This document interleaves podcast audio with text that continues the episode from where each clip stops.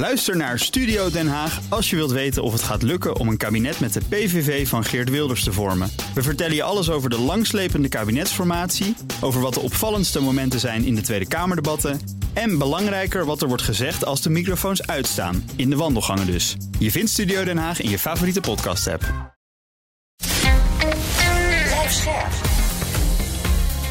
BNR Nieuwsradio. The Big Five. Diana Matroos. De excuses van de koning over het Nederlandse slavernijverleden zijn er. Niet alleen dat, de koning vraagt ook om vergeving voor het aandeel van zijn familie.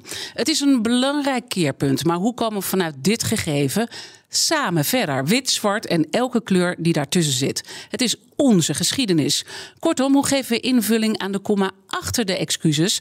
Want zoals we eerder hoorden van premier Rutte, we zetten geen punt. Daarvoor ga ik deze week in gesprek met vijf kopstukken in BNR's Big Five van het herdenkingsjaar slavernijverleden. En vandaag weer een heel bijzondere gast, Robert Dijkgraaf, minister van Onderwijs, Cultuur en Wetenschap en voormalig directeur van het Institute for Advanced Study aan Princeton University, waar als natuurkundige en hoogleraar internationaal veel aanzien genoot. Welkom, uh, fijn dat u er bent. Ja, hallo, fijn om hier te mogen zijn. Ik ga het uiteraard uh, straks met u hebben over de excuses uh, van de koning. Maar voordat we dat gaan doen, wil ik uh, twee dingen aan u vragen. En het eerste is: namens het kabinet bent u ook coördinerend minister van het herdenkingsjaar slavernijverleden. Is dat nou iets wat u heeft gezegd? Dat wil ik graag doen. Hoe gaat zoiets? Uh, nee, dan moet ik heel eerlijk zijn. Dat is iets wat uh, in het vorige kabinet is afgesproken. Maar ik moet wel zeggen dat ik het echt een van de meest eervolle taken vind. Omdat het uh, zoiets belangrijk is wat we met elkaar aan het beleven zijn. En wat mooi om eigenlijk ook deze soort ondersteunende rol te mogen hebben. Om dit, dit herdenkingsjaar vorm te geven. En um, ja, ik vind het uh, vrij uniek dat we ook uh, ja. dit meemaken. Het is, het is echt historisch, voel ik. Dus uh, ja, heel eervol en betekenisvol om hierbij betrokken te mogen zijn. En het tweede wat ik dan van u zou willen weten, u zegt heel eervol en betekenisvol, maar het is ook een heel complex dossier. Heeft u ook ergens gedacht met alle reacties die u al binnen heeft gekregen van poeh? Wat heb ik op mijn hals gehaald? nou, het is heel erg ingewikkeld. Mhm. Maar um, kijk, soms voel je, ben je dingen aan de politiek uh, aan het doen die um, gewoon nergens heen gaan. Of waar allerlei krachten en tegenkrachten zijn. En waar je vooral aan het soort watertrappelen bent. Hier voel ik gewoon dat uh, het land uh, de tijd er klaar voor is. Dus ik voel ook echt van, de, ja, de, iedereen beweegt eigenlijk mee. Mm-hmm. En dat is, dat is ook een bijzonder gevoel. Ik hoor altijd twee, uh, twee signalen. Eén signaal is waarom heeft het zo lang geduurd? En de andere is uh, waarom gaat het zo snel? En precies tussen die twee emoties zitten we denk ik in. Maar we zijn wel in beweging. En een beweging die niet komt omdat uh, een kabinet hier aan trekt. En niet een beweging dat er een coördinerend minister is. Maar een beweging omdat denk ik heel veel mensen voelen dat het de allerhoogste tijd is dat we deze stap voorwaarts zetten. En dat is een heel bijzonder gevoel. Ja. Dat, uh, ik denk dat dat soort kantelpunten uh, in een maatschappij zijn er heel weinig. Mm -hmm. En als ze er zijn, dan uh, ja, is het heel bijzonder. En dan kan je helpen dat proces te coördineren, die krachten een beetje te kanaliseren, zorgen dat het gewoon zo goed mogelijk verloopt. Maar de kracht die uh, dit voortstuurt, uh, uh, die ja. komt niet uit het kabinet, die komt uit de mensen zelf. Uit de mensen zelf en uit heel veel bewegingen ook die we hebben gezien, die ook vanuit Amerika zijn overgewaaid. u heeft ook heel lang in Amerika gewoond natuurlijk. Heeft u daar ook op een bepaalde manier beleefd? En was dat ook het moment dat het onderwerp voor u aanging? Ja, ik denk dat het heel bijzonder was uh, toen die afschuwelijke moord op George Floyd uh, gebeurde. En die enorme reactie uit de samenleving kwam, die eigenlijk Black Lives heeft gevormd. Dat, uh, dat ik toen ook het gevoel had van ja, in zo'n maatschappij kunnen krachten loskomen. -hmm. die heel veel groter zijn dan ieder individu. En ik weet wel, die zomer na die protesten gold eigenlijk voor iedereen en alle organisaties van wat, wat doen we hiermee? Uh, uh, als we er niks mee deden, leg dan uit waarom je er niets mee hebt. Uh, als, er een, als je een opera gaat vormgeven, waarom niet door een zwarte componist? Mm -hmm. Als je een tentoonstelling hebt van hebben we eigenlijk genoeg aandacht voor zwarte kunstenaars? Eh, als het op een universiteit was, hoe zit het eigenlijk met onze studenten? En hoe zit het met ons curriculum? Er kwam echt zo'n soort bewustwording Ja. die eh, heel bijzonder was. Nu staat eh, bekend als nieuwsgierig persoon. ja. Dus dat lijkt me ook heel mooi om dan met die vragen bezig te mogen zijn. Ja. Maar je wordt natuurlijk ook wel op een bepaalde manier geconfronteerd met je eigen denkbeelden. Wat was daarin voor u het moeilijkste? Nou ja, ik zeg altijd van het is. eh, ik zie geen reden waarom je niet meer over dingen wil weten. Ook over de geschiedenis, et cetera. Maar dat is natuurlijk makkelijk gezegd. Maar als er gewoon pijnlijke elementen zitten in die geschiedenis, dan is er ook eigenlijk best wel een goede reden waarom je het eigenlijk niet wil weten. Want het is heel onaangenaam. Het is oncomfortabel. En het, eh, de grote gedachten van gelijkheid en eh, sociale rechtvaardigheid zijn heel makkelijk. Maar de concrete stappen, wat ga je dan doen? Eh, wat, wat ga jij gewoon morgen doen? Wat je vandaag niet hebt gedaan. Dat is eigenlijk, denk ik, de meest pijnlijke vraag die je kan stellen. Want dan wordt het ineens heel persoonlijk. En dat betekent ook dat je misschien je prioriteiten anders moet kiezen. En dan moet je ook terugkijken van wat heb je eigenlijk in het verleden gedaan. En dan moet je misschien vaststellen, niet genoeg.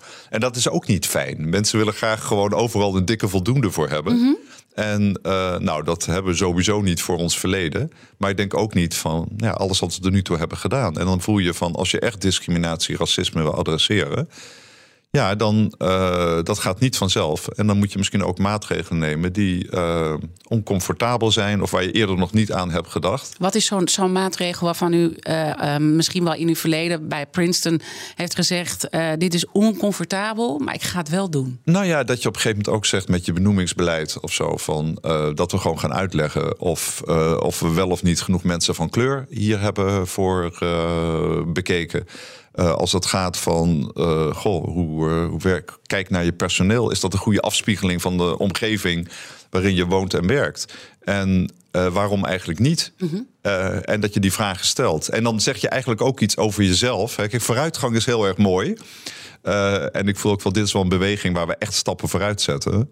Maar vooruitgang betekent ook dat je ja, als je terug in de tijd gaat, eigenlijk achteruit gaat. En dat je misschien een aantal dingen niet goed hebt gedaan. Of niet goed genoeg erover dus, nagedacht en, hebt. En dat, is, denk ik confronterend. Wel, ja, dat is soms wel confronterend. Ja. En dat gevoel van uh, ja, scherp naar jezelf kijken. En tegelijkertijd ook uh, ja, een soort belofte van de toekomst. Ik voel dat is wel precies het moment waar we nu in zitten.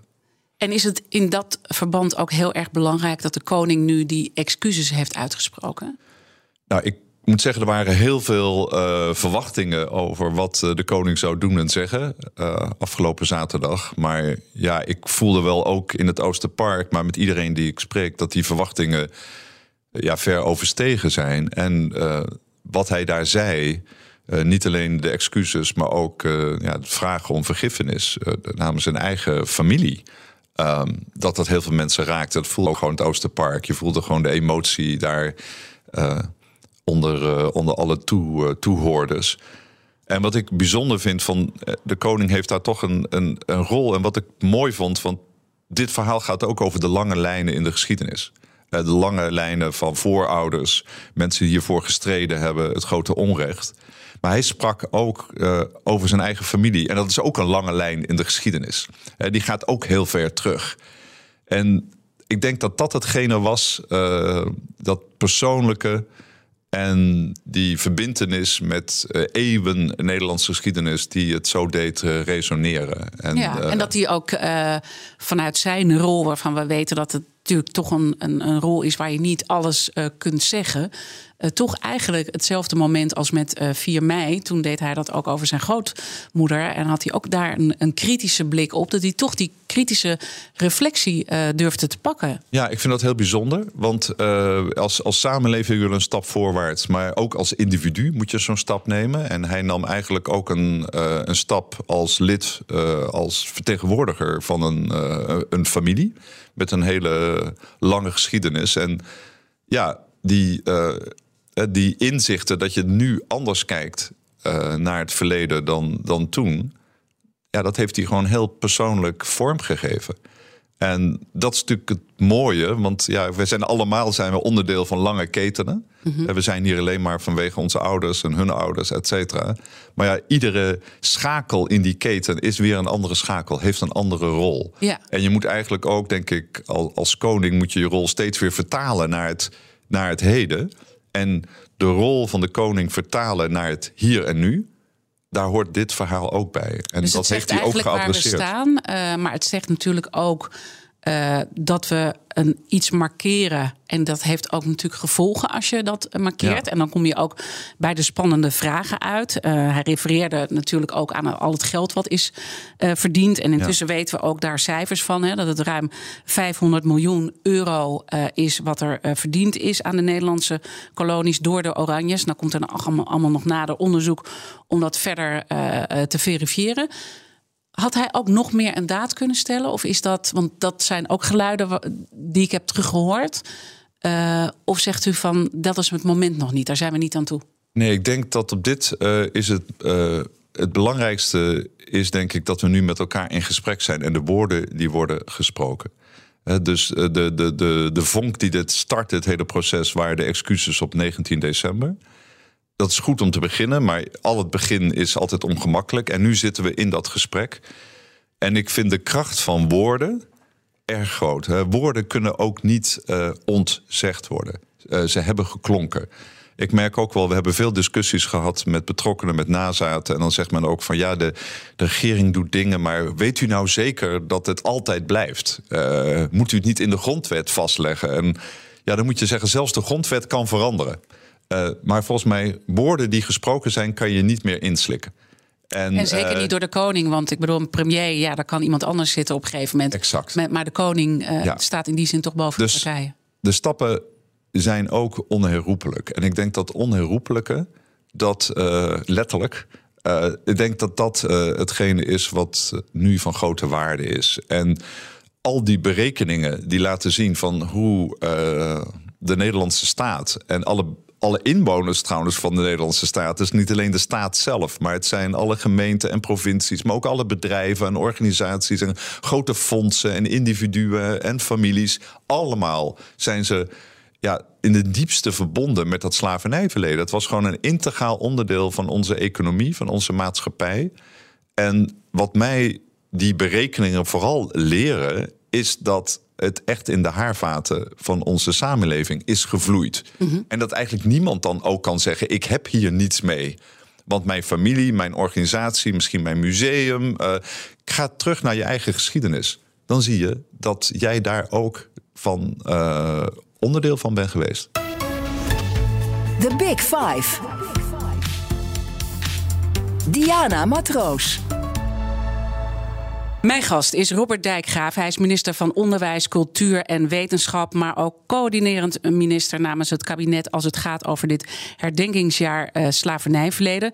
U zegt eigenlijk iedereen is er op een bepaalde manier eh, bij betrokken, dus je kan dat niet eh, uitzetten. Toch, u refereerde er al even aan, er zijn heel veel mensen ook die zeggen, en hoeveel dat er precies zijn, dat weet ik niet, maar ik merkte ook, nou, aan het begin van deze week kregen we hele heftige reacties ook binnen, wat normaal niet gebeurt. Er zijn ook heel veel mensen boos en die zeggen ja, eh, onzin, al die excuses na al die eh, jaren. Eh, moeten we dan ook voor Egypte excuses gaan aanbieden? Hoe ver gaat dit allemaal terug? Er zijn heel veel verschillende reacties die er de revue passeren. Snapt u die mensen? En dit zijn, ik, ja, ik wil niet altijd in kleur spreken, maar dit zijn dus vaak witte mensen ook, wat je ook op de socials kunt zien, die er boos over zijn. Nou, ik snap heel goed eh, dat mensen zeggen: Goh, ik heb hier niks mee. Waarom doen we dit allemaal? En dat geldt natuurlijk eh, bij iedere grote maatschappelijke ontwikkeling. Er zijn mensen die voorop lopen, die het persoonlijk heel sterk raken. Er zijn mensen die daar misschien meer bij betrokken zijn geweest of langer over na hebben gedacht. En er is altijd een, groep die dat niet heeft. En belangrijk is natuurlijk met zo'n ontwikkeling om iedereen mee te krijgen. Nou voel ik wel dat bijvoorbeeld toen eh, onze minister-president sprak en zelf zei dat hij daar eerder eigenlijk andere ideeën bij had, dat heeft al enorm geholpen. Want hij heeft ook laten zien dat kan ook een pad zijn wat je afwandelt. Dat betekent, en bijna iedereen, denk ik, eh, zeker witte Nederlanders in, in zijn algemeenheid, zullen niet eh, tientallen jaren geleden het al helemaal zo precies hebben gedacht zoals we er nu over denken. Dus we gaan allemaal door zo'n proces heen. En inderdaad, een belangrijk onderdeel, als we uiteindelijk ja, heling willen hebben en echt dit echt een permanente plek willen geven, is dat iedereen zich erin herkent. En hoe doe je dat nou? Dus ik denk dat heeft ook te maken met het tempo waarin je loopt. Uh, stap voor stap. Uh, ik denk de minister-president, maar nog meer de koning, heeft ook een hele verbindende rol. Dus dat heeft Ja. ongetwijfeld geholpen. En dan zijn er uiteindelijk, denk ik, toch ook andere argumenten. Dus eh, één punt wat ik zelf ook wel een belangrijke vind, is van ja.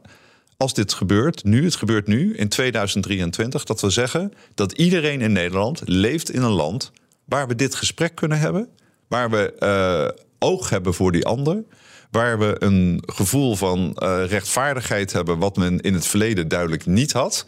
Dus eh, één argument om hier eh, wat mee te hebben, is op zijn minst te realiseren dat je gelukkig mag prijzen dat je nu in een tijd leeft waar we althans een heel veel stappen verder zijn dan in die vorige eeuwen. Ja. Eh, dus we accepteren het niet En, meer. en dat we is hebben ook precies voor. eh, eh, waarom mensen zeggen: ja, joh, het was toen en eh, het is nu niet eh, meer. En eh, waarom moeten we daar dan allemaal excuses voor aanbieden? Want er zijn heel veel eh, verschrikkelijke dingen in het eh, eh, verleden gebeurd.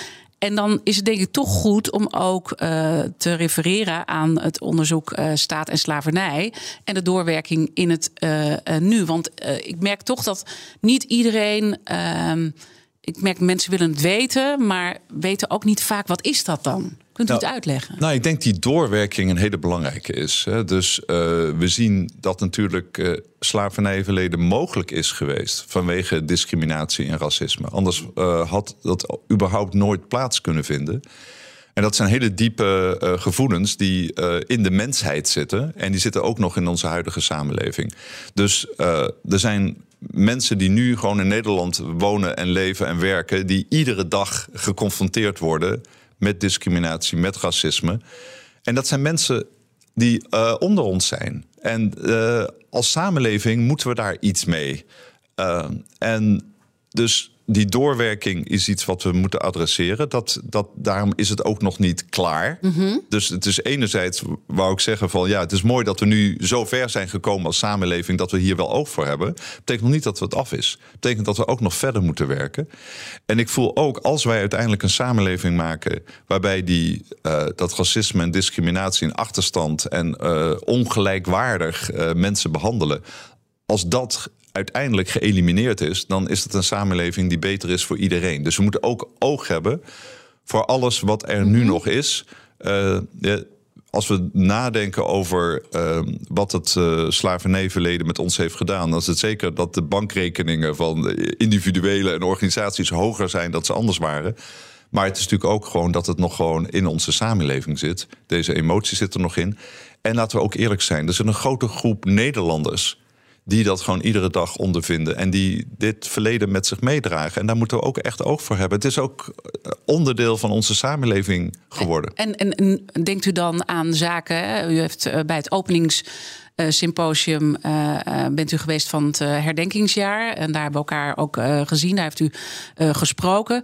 En daar benoemde u ook zaken als de toeslagenaffaire. Dat zijn, het, het denk, hè, er zijn systemen, een manier van denken is er ontstaan in dat slavernijverleden. Wat op dit moment nog steeds doorwerkt. Absoluut. Hè. Het gaat over vooringenomen ideeën. Over de ander. Die diep ingesleten zijn. En die vinden we terug nou ja, inderdaad, in, in misstanden. Dat kan de toeslagenverre is er één.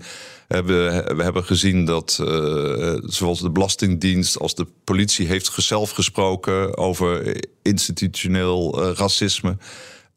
Ik werk zelf heel erg met pogingen om stagediscriminatie uit te bannen. Dus ik spreek heel veel jonge mensen in het mbo. Et cetera, die mm -hmm. gewoon zeggen van ja, weet je wel, ik, uh, ik zie er anders uit. Ik heb een andere achternaam en ik krijg twintig keer nee. Terwijl mijn vriend, uh, uh, een witte blonde Nederlander, gewoon direct wordt aangenomen. Wat is er aan de hand? Mm -hmm. dus ja, nee, die effecten en er zijn, zijn natuurlijk er. al veel onderzoeken die, die dat al in het verleden ook hebben bevestigd. En je hebt nu dan recent staat en slavernij, waar dit soort punten ook weer naar voren komen. En dan komt ook nader onderzoek. Recent hebben we natuurlijk in het nieuws, en dat is natuurlijk ook een van uw dossiers als minister van Onderwijs.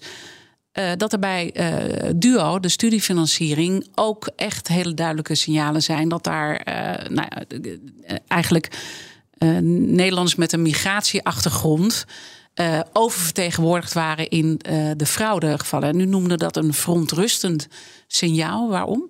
Nou, omdat dit gaat over het controleren of uitwonende studenten ook daadwerkelijk uitwonen. En we kregen een signaal dat van advocaten die deze zaken behandelen, dat er echt een hele grote oververtegenwoordiging is in hun gevallen van studenten met een migratieachtergrond, geloof ik 97 procent.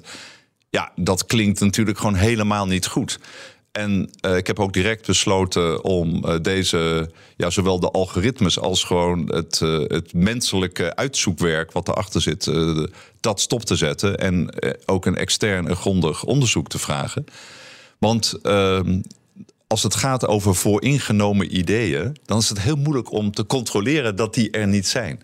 Dus ik denk dat er een belangrijke opdracht ligt, ook bij de overheid, om te zien dat alles wat we doen echt uh, eerlijk is. Uh, en dat we niet op erg, ergens die, die, die ingesleten ideeën ja. nog doorleven. En, en, maar schrikt u op zo'n ja, moment? daar schrik ik van. Daar schrik ja. ik van zeker omdat we natuurlijk de... de hele kindertoeslagaffaire achter de, ja. nou niet achter de rug, daar zitten we nog middenin. En ehm, ja, dan, dan wil je natuurlijk absoluut uh, niet hoe het is dat we nu wel alert zijn. Dat we in dit soort situaties gewoon onmiddellijk actie uh, mm -hmm. ondernemen. Mm -hmm. uh, maar je weet maar, natuurlijk nooit, ook als minister, je weet niet wat je niet weet. Uh, dat is gewoon ook echt een oncomfortabele situatie. Uh, want uh, algoritmes zijn overal. ja. En ik heb zelf meegemaakt dat ik op, op een hoofdkantoor van een bank, dit is een paar jaar geleden, en het tourniquetpoortje mij niet herkende. Iedereen kwam er doorheen behalve ik. En dat had met mijn haar ja. te maken. En op een gegeven moment kwam er ook iemand doodleuk mij vertellen dat het systeem mijn haar niet herkent. Um, nou, ik, ik, was daar een beetje gelaten onder op dat moment. Maar het geeft uh, aan hoeveel uitsluitingsmechanismen er zijn. Zonder dat iemand dat bewust bedoelt. Maar er wordt vanuit een bepaalde standaard norm gedacht. Hoe gaan we die normen nou veranderen? Nou, absoluut. Dus als je kijkt naar algoritmes, die train je eigenlijk op basis van nou ja, de, de, de praktijk van alle dag. Nou, die is voor ingenomen. Dus die algoritmes leren eigenlijk de verkeerde, de verkeerde denkbeelden. Maar eerlijk gezegd moet ook eerlijk zijn. Dat gold ook uh, voor uh, het voorbeeld van de studiefinanciering. Het gaat niet alleen om algoritmes. Het gaat gewoon om mensen die uiteindelijk keuzes maken. En die zelf uh, gaan, dingen gaan onderzoeken. Dus we moeten ook niet alles verwijten aan, aan de computeralgoritmes. Het is ook gewoon het menselijk gedrag. En sterker nog, die computers, die zijn heel erg. Die algoritmes zijn weer gebaseerd op het menselijk gedrag. Dus ja, daar ligt een, een grote opdracht. En dat geldt voor zoveel andere dingen. Ik weet ook uh, dat uh, bijvoorbeeld bij spreken heel veel medische methodes, die zijn ook weer op een, uh, een hele smalle basis gebaseerd. daar Goed punt, ja. Gezondheidszorg is echt Gezondheidszorg, ook een ding, ja. dat heel veel klachten die typisch mensen van kleur hebben, daar is nooit onderzoek naar gedaan. men weet niet wat daar wel werkt, wat niet werkt. Uh, ja, er zijn uh, heel veel blinde vlekken ja. in onze kennis. Heel veel te doen dus. En zometeen uh, ga ik verder praten met minister Dijkgraap... hoe hij bepaalde zaken ook als coördinerend minister... herdenkingsjaar slavernijverleden gaat aanpakken. Blijf luisteren. Blijf scherp. BNR Nieuwsradio. Ook Thomas van Zeil vind je in de BNR-app. Je kunt live naar mij luisteren in Zaken doen. De BNR-app met breaking news, het laatste zakelijke nieuws... en je vindt er alle BNR-podcasts, bijvoorbeeld Het Nieuwe Geld. Download nu de gratis BNR-app en blijf scherp. The Big Five. Diana Matroos. Welkom bij Tweede Half Uur. Deze week praat ik met vijf kopstukken uit de wereld van het slavernijverleden. Eerder deze week sprak ik over dit onderwerp met Don Seder. Hij is Tweede Kamerlid van de ChristenUnie. En hij deelde ook zijn persoonlijke ervaringen met het slavernijverleden. Maar ook de uitsluiting waar hij op dit moment uh, mee te maken krijgt. Het gesprek is terug te luisteren via onze BNR-app. Mijn gast vandaag is Robert Dijkgraaf. Hij is minister van Onderwijs, Cultuur en Wetenschap. En tevens coördinerend minister namens het kabinet als het gaat om het herdenkingsjaar uh, slavernijverleden. Komend half uur wil ik graag nog uh, twee belangrijke onderwerpen met u bespreken: herstelbetalingen en onderwijs. En laten we met dat laatste beginnen, want dat is ook uh, uw belangrijke dossier. En daar heb ik ook een vraag bij um, van de vorige gast. Want de gasten stellen elkaar vragen via de kettingvraag. En gisteren sprak ik met uh, Jurgen Rijman, onder andere programmamaker, maar hij zet zich ook in uh, voor diversiteit op de werkvloer op dit moment. En hij is recent bestuurslid van het Nationaal Comité 4 en 5 mei. En hij deze vraag voor u. Nou, beste minister, um, ik ben al een, een, hele tijd bij dit vraagstuk op verschillende manieren betrokken geweest. Uh, met discussies, als discussieleider, uh, als, als commentaar moeten geven. En dat is iets wat al langer dan 10 jaar, 15 jaar maak ik dit mee in Nederland. En dat gaat over onderwijs. Er zijn de vier punten die we het altijd in het onderwijs over hebben. Als we het hebben over de discussie: stagediscriminatie, onderadvisering, burgerschapsonderwijs en inclusief lesmateriaal. Dat zijn dingen waar we al 15 jaar mee zitten te bettelen in dit land. Wanneer gaan we dit nou eindelijk onderdeel van het curriculum maken? En hoe denkt de minister dat te gaan doen? Hele belangrijke vraag, ja. hè? Ja. Ja, uh, hele mooie vraag. En uh, ook een vraag waar ik ook wel antwoord op heb. Uh, stagediscriminatie hebben we dit jaar echt stevig aangepakt. We hebben een afspraak gemaakt uh, met de werkgevers dat we ook gaan matchen. Dat wil zeggen dat uh, scholen, MBO-scholen zelf gaan bepalen uh, welke student waar het best op zijn plek is. Mm -hmm. Nou, dan kan je eigenlijk ook niet discrimineren. Er zijn trouwens ook heel veel werkgevers die zeggen: gewoon, we gaan ook open hiring doen. We nemen gewoon iedereen aan. Uh, bijvoorbeeld in Rotterdam. Het is ook erg lastig om in Rotterdam een uh, bedrijf te runnen en uh, te gaan discrimineren. Want het is zo'n mooie diverse stad. onderadvisering, dat hebben we ook geadresseerd dit jaar. We gaan eigenlijk gewoon toch meer ook de, de, de, de objectieve testen mee laten tellen. Maar het is wel een punt van zorg. Burgerschap heb ik uh, net deze week uh, aangekondigd dat we dat scherp gaan herzien. Met heel veel aandacht voor ja, de democratische rechtsstaat en alle waarden die daarbij horen: solidariteit, gelijkheid en ook uh, dit adresseren. En het laatste, het curriculum. Ja, dat is denk ik een hele belangrijke. Want ik merk alle discussies rondom het slavernijverleden. Ze beginnen vaak op steeds weer op een andere manier. Maar ze eindigen bij het onderwijs. Want uiteindelijk zeggen mensen: ja, de enige manier waar ik echt hoop heb. is als een volgende generatie wel weet. wat ik zelf allemaal niet heb geleerd. Nu, dit jaar zijn we bezig de kerndoelen in het uh, funderend onderwijs uh, bij te stellen. En uh, we zijn ook bezig om deze, ja, de nieuwe inzichten uh, die in de discussie rondom het slavernijverleden uh, worden gevoerd, om die daarin te, te vlechten. Dus uh, het, het mooie is, we waren toch al van plan die, die kerndoelen bij te stellen. Dus dat komt gewoon goed uit. Ja. En ik denk dat dat echt wel mogelijkheden geeft. Want wat gaan we dan merken in de praktijk, concreet, als dat curriculum veranderd is? Nou, ik denk dat het gewoon concreet betekent dat je bijvoorbeeld in de geschiedenislessen veel meer aandacht hebt voor dit thema. Het is voor mij al lange tijd geleden dat ik uh, op de basisschool zat. Maar ik heb eerlijk gezegd er volgens mij helemaal niets over geleerd. Nee. Uh, echt niets. En het is gewoon on, onvoorstelbaar gewoon. Onvoorstelbaar ja. als we enerzijds zeggen van dit is misschien wel een van de grootste misdaden waar we als land bij betrokken zijn geweest. Het is zo'n groot onrecht. Uh, hoe kan dat gewoon niet. Uh, Heeft u een antwoord op? Ja, ik denk dat het antwoord is gewoon dat uh, deze, deze kant van onze gedeelde geschiedenis. Uh, zeg maar staat in de weg van dat soort verhaal wat we ons over onszelf hebben verteld. Uh, en er is natuurlijk toch wel een soort cliché over Nederland op een gegeven moment gevormd. Dat was misschien ook wel nodig in de 19e eeuw. Want we moesten echt uh, een soort gevoel krijgen bij ons eigen land, een nationaliteit. Uh, en daar is een soort ja, opgepoetst verhaal verteld van een gouden eeuw en koopmansgeest. En, nou, en daar zijn we nog allemaal trots op.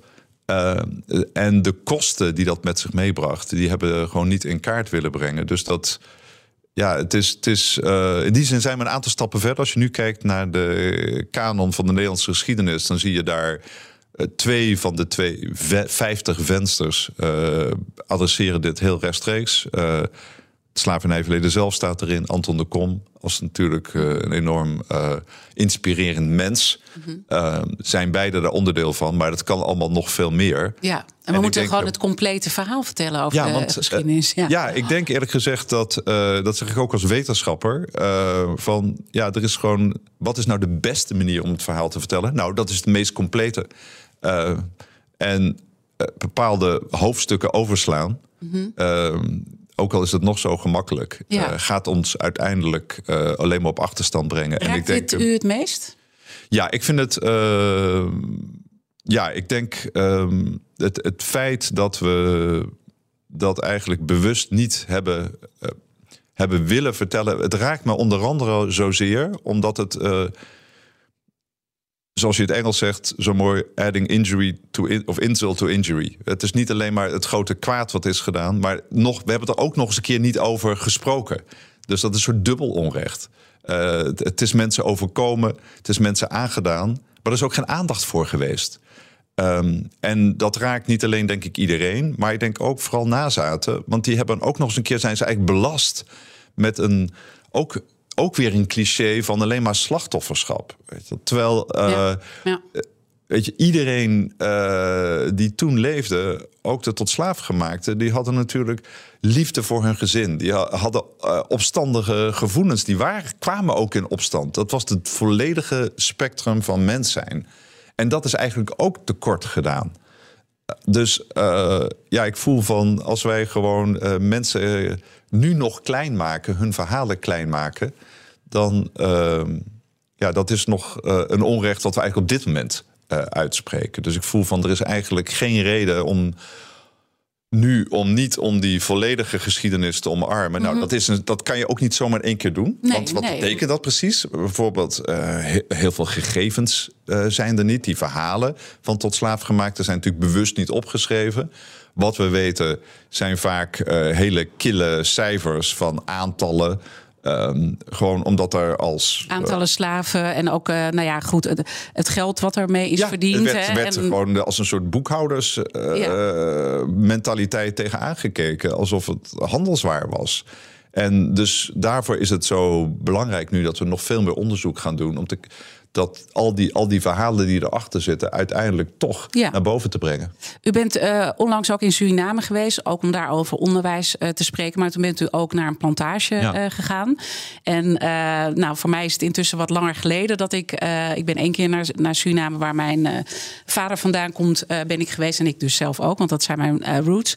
En het maakte toen op, op mij ontzettend veel indruk. Want er waren een heleboel dingen die ik me ook niet had beseft. Omdat ik diezelfde, ik ben geboren en getogen in Amsterdam. Ik heb diezelfde geschiedenisboeken eh, tot mij genomen. Overigens in Suriname staat het ook niet eh, in de geschiedenisboeken. Nee. eh, wat, wat heeft u nou het meeste geraakt toen u op, op die plantage rondliep en met nazaten gesproken heeft?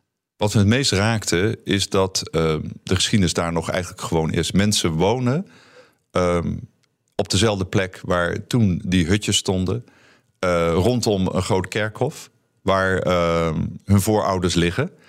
Ehm, wat ik ook heel mooi vond van de plantages die ik bezocht, de parenplantages, dat die eigenlijk kort na de afschaffing van de slavernij door de ja, eh, bevrijde tot slaafgemaakte zelf zijn gekocht eigenlijk. En waarom? Omdat dat het land was waar hun eh, familie eh, misschien wel eeuwen heeft geleefd. Het was ook hun land, het is hun plek. En ze zijn er ook geworteld. En ze hebben ook liefde voor die plek. En dat maakt gewoon grote indruk op mij. Het is, eh, als je daar woont, dan eh, leef je er gewoon iedere dag mee. En En eh, geschiedenis is ook heel dubbel. die geschiedenis is heel dubbel. Ja.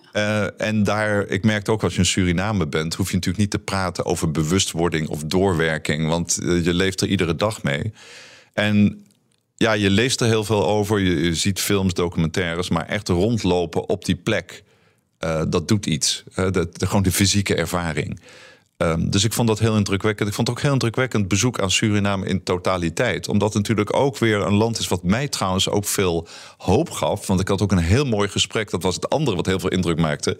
Met een groep jongeren, allemaal zo rond de 18. Die eh, ook wel deelden van eh, ten eerste ook voor hun eigen familie, hoe moeilijk het misschien ook wel was om nu die gesprekken te hebben. Dat ouders en grootouders dat gesprek toch veel minder makkelijk Er hadden. zijn ook heel veel taboes in eh, Heel veel Suriname, taboes. ja. Eh, maar ook dat ze zeiden van god, de manier hoe wij hier in Suriname met, mee omgaan, met dat gedeelde verleden, met al die verschillende bevolkingsgroepen, waar gewoon vele daarvan hen van Hindoestanen en Javanen en Chinezen en natuurlijk de Afro-Surinaamse gemeenschap. Eh, allemaal eh, daar niet oorspronkelijk woonden en allemaal misschien eh, onder moeilijke omstandigheden daar zijn toegebracht, dat ze toch zoiets hadden van ja, met elkaar hebben we toch die samenleving. En uh, die diversiteit omarmen we. En met alle problemen, et cetera, gaan we toch met elkaar verder. En ik dacht van, goh, wat, je, wat jullie daar nu uitstralen... Ja, dat zou ik wel eigenlijk uh, ook uh, graag in Nederland willen hier, zien. Ik zou ja, het wel ja, uh, dit, dit medicijn aan de hele wereld willen voorschrijven. colorism is in Ook, Suriname zelf. ja. Hè? Dus, dus Ja. hoe donkerder je bent of hoe meer kroesra je hebt. Eh, en dat, dat, dat is ook gewoon het pijnlijke verleden, waardoor eh, ja, het eigenlijk beter was. Hoe witter, hoe beter. Hè? Ja. Dat, dat is eigenlijk waar iedereen daarmee is grootgebracht. BNR Nieuwsradio. The Big Five. Bij BNR ben je altijd als eerste op de hoogte van het laatste nieuws. Luister dagelijks live via internet. Bas van Werven. En heel langzaam komt de zon op rond dit tijdstip. Je krijgt inzicht in de dag die komt op BNR, het Binnenhof in Nederland en de rest van de wereld. De Ochtendspits. Voor de beste start van je werkdag. Blijf scherp en mis niets. Big Five. Diana Matroos. Je luistert naar BNR's Big Five van het herdenkingsjaar slavernijverleden. Morgen zal ik spreken met Linda Nooitmeer. Zij is voorzitter van het Nationaal Instituut Nederlands Slavernijverleden en Erfenis. Mijn gast vandaag is Robert Dijkgraaf, minister van Onderwijs, Cultuur en Wetenschap. En tevens coördinerend minister herdenkingsjaar slavernijverleden. Um, u heeft net uh, de kettingvraag beantwoord. Uh, in die zin uh, dat u echt met het curriculum aan de slag gaat. wanneer, wanneer kunnen we op rekenen dat dat er ligt? dat is volgens mij het einde van dit schooljaar. Dan, dan hebben we volgens mij de definitieve adviezen. En dan gaan we volgens mij wel dit ook nog een beetje uitproberen. maar het komend jaar gaan we hier een hele grote stap voorwaarts. U gaat nemen. er echt uh, uh, Ja. snelheid maken. Ja, absoluut. Goed. Um, natuurlijk gaat de kettingvraag door. En ik zei al, morgen spreek ik met Linda nooit meer. Die natuurlijk ook gesproken heeft voordat de koning ging spreken afgelopen weekend. Uh, wat zou u haar willen vragen? Nou, wat ik uh, Linda zou willen vragen is dat zij een soort dubbele rol heeft. Enerzijds is zij natuurlijk heel erg het gezicht uh, van uh, deze herdenking en de doorwerking van het slavernijverleden als, als voorzitter van NINZE. Uh, tegelijkertijd heeft ze ook een taak om eigenlijk ja, al die verschillende signalen, krachten uit, uit de gemeenschappen, om daarnaar te luisteren. En ik zou haar willen vragen, hoe gaat ze daarmee om? Met die soort spanning? Want ik heb het gevoel dat zij misschien wel in de minst comfortabele positie zit. Want ze, ze moet al die verschillende signalen kanaliseren. En tegelijkertijd is zij ook een soort officiële vertegenwoordiger. En uh, ik kan me voorstellen dat ze enerzijds heel veel woede en frustratie uh, moet uh, oppakken. En tegelijkertijd moet ze daar ook heel verstandig mee omgaan. Mm -hmm. En hoe gaat ze gewoon persoonlijk ook met die twee krachten om? En eigenlijk kan ik die vraag ook aan u stellen, want u, u zit eigenlijk in, de, in dezelfde positie. En, en wat is daarin voor u het moeilijkste? Um, nou ja, mijn antwoord zou hier zijn van inderdaad, als je als minister voel je ook uh, krachten. Uh, ik denk eerlijk gezegd dat het je taak is om zoveel, van die, zoveel mogelijk van die verschillende krachten te voelen. Zodat je ook weet wat, wat de tegenkrachten zijn, waar mensen het niet mee eens zijn. Ja, en uiteindelijk is het denk ik niet het antwoord is niet om je door het samenstelsel van al die krachten te laten voeren, maar ook naar je eigen interne kompas te kijken. Is dit eigenlijk de richting waar je, waar je naartoe wil gaan? Mm -hmm. Dus ik denk dat dat uiteindelijk uh, de afweging is. En dan denk ik, uh, ja, weet je, je hebt een officiële, formele rol, maar je bent ook gewoon een mens. Uh, en in dit soort zaken moet je denk ik ook gaan waar je eigen, je eigen interne kompas je naartoe leidt. Ja, en dat is iets waar, waar u vaker over gesproken heeft. Dat, dat, dat kompas, hè, dat, dat is ontzettend uh, belangrijk. Nou heeft Linda nooit meer tijdens haar toespraak ook wel gerefereerd aan geld. Ja. Het prijskaartje. Ja. Um, en dat, dat merk je ook, daar wordt al heel verschillend uh, over gedacht. Dan kom je ook tot het punt herstelbetalingen. Als u vanuit dat interne kompas uh, kijkt, wat, wat, wat vindt u dan van de herstelbetalingen? Moet dat er wel of niet komen? Nou, wat ik vooral voel is dat als we nu kijken, we hebben een heel pakket hè, neergelegd uh, als, als kabinet. Er zit ook zo'n fonds in van 200 miljoen um, over doorwerking, bewustwording, om maatschappelijke initiatieven te ondersteunen. We, hebben een, uh, een, we gaan een permanent herdenkingscomité uh, oprichten. Dat gaan we ook permanent financieel ondersteunen. Maar er is nog iets anders, denk ik. En het andere is, wat doen we eigenlijk gewoon als overheid? Wat doe ik als minister van Onderwijs? En dan gaat het eigenlijk over ja, de hele onderwijsbegroting. Waar gaat dat naartoe? Wat doen we daarmee? En ik denk uiteindelijk moeten we wel naar een punt waarin we zeggen van ja, maar wacht even, we kunnen niet alleen maar over dit thema praten als een apart thema met een apart potje geld en apart uh, nou, programma's. Maar we moeten dit inweven in het grotere verhaal wat wij als kabinet doen. Dus in het onderwijs, hoe zorgen we ervoor dat uh, Nederland een gelijkwaardig land is voor iedereen? Hoe bannen we discriminatie en racisme uit? En dat zijn de soort grotere thema's. En ik voel dat dat eigenlijk voor mij een hele natuurlijke volgende stap is. Mm -hmm. in maar dit, dat heeft in dit ook hele proces. Een, een, een, prijskaartje dan toch? Ik bedoel, dat is dan niet in de vorm.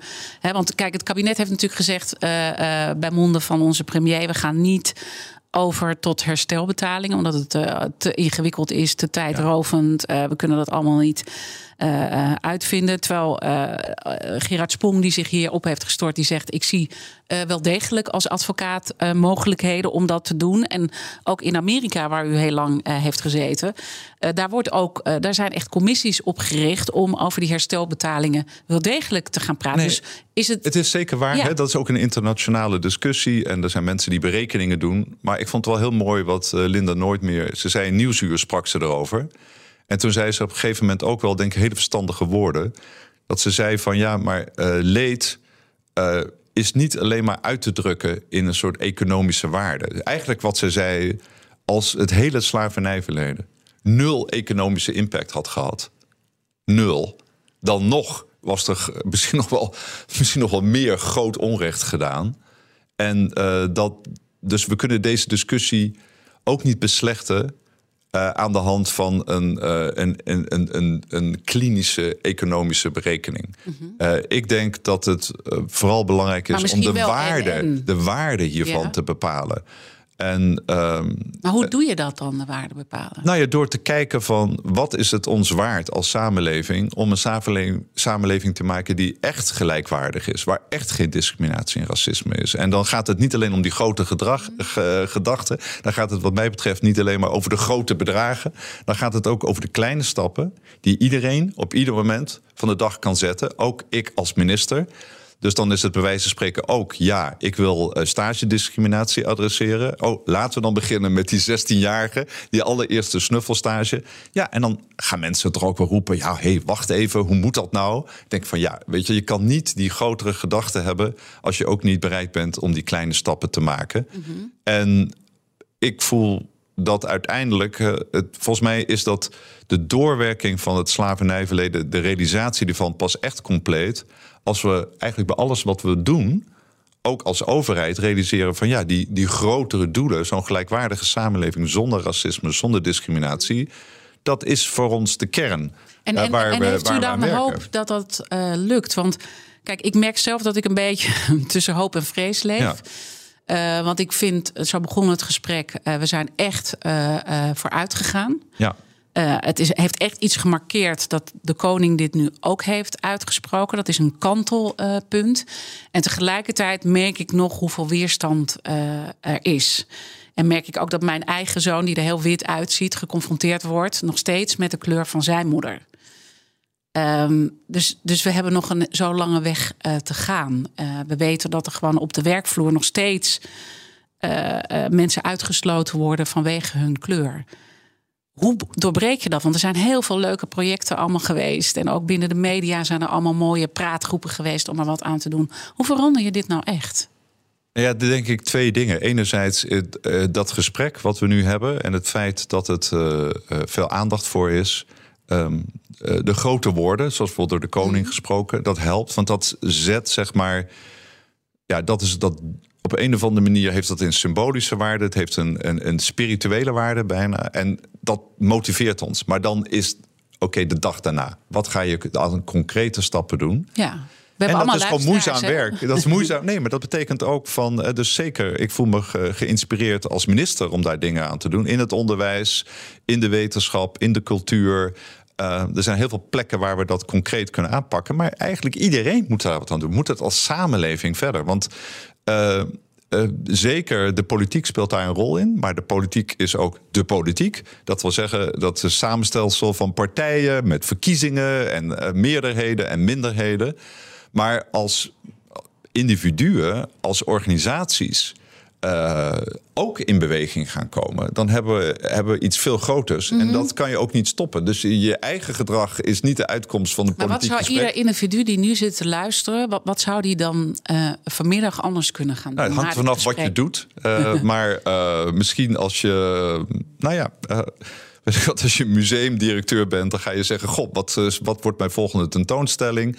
Misschien als je docent bent, dan denk je: Goh, eh, kijk, wat, wat, uh, wat voor kinderen heb ik in de klas? Hoe zou het voor hen zijn?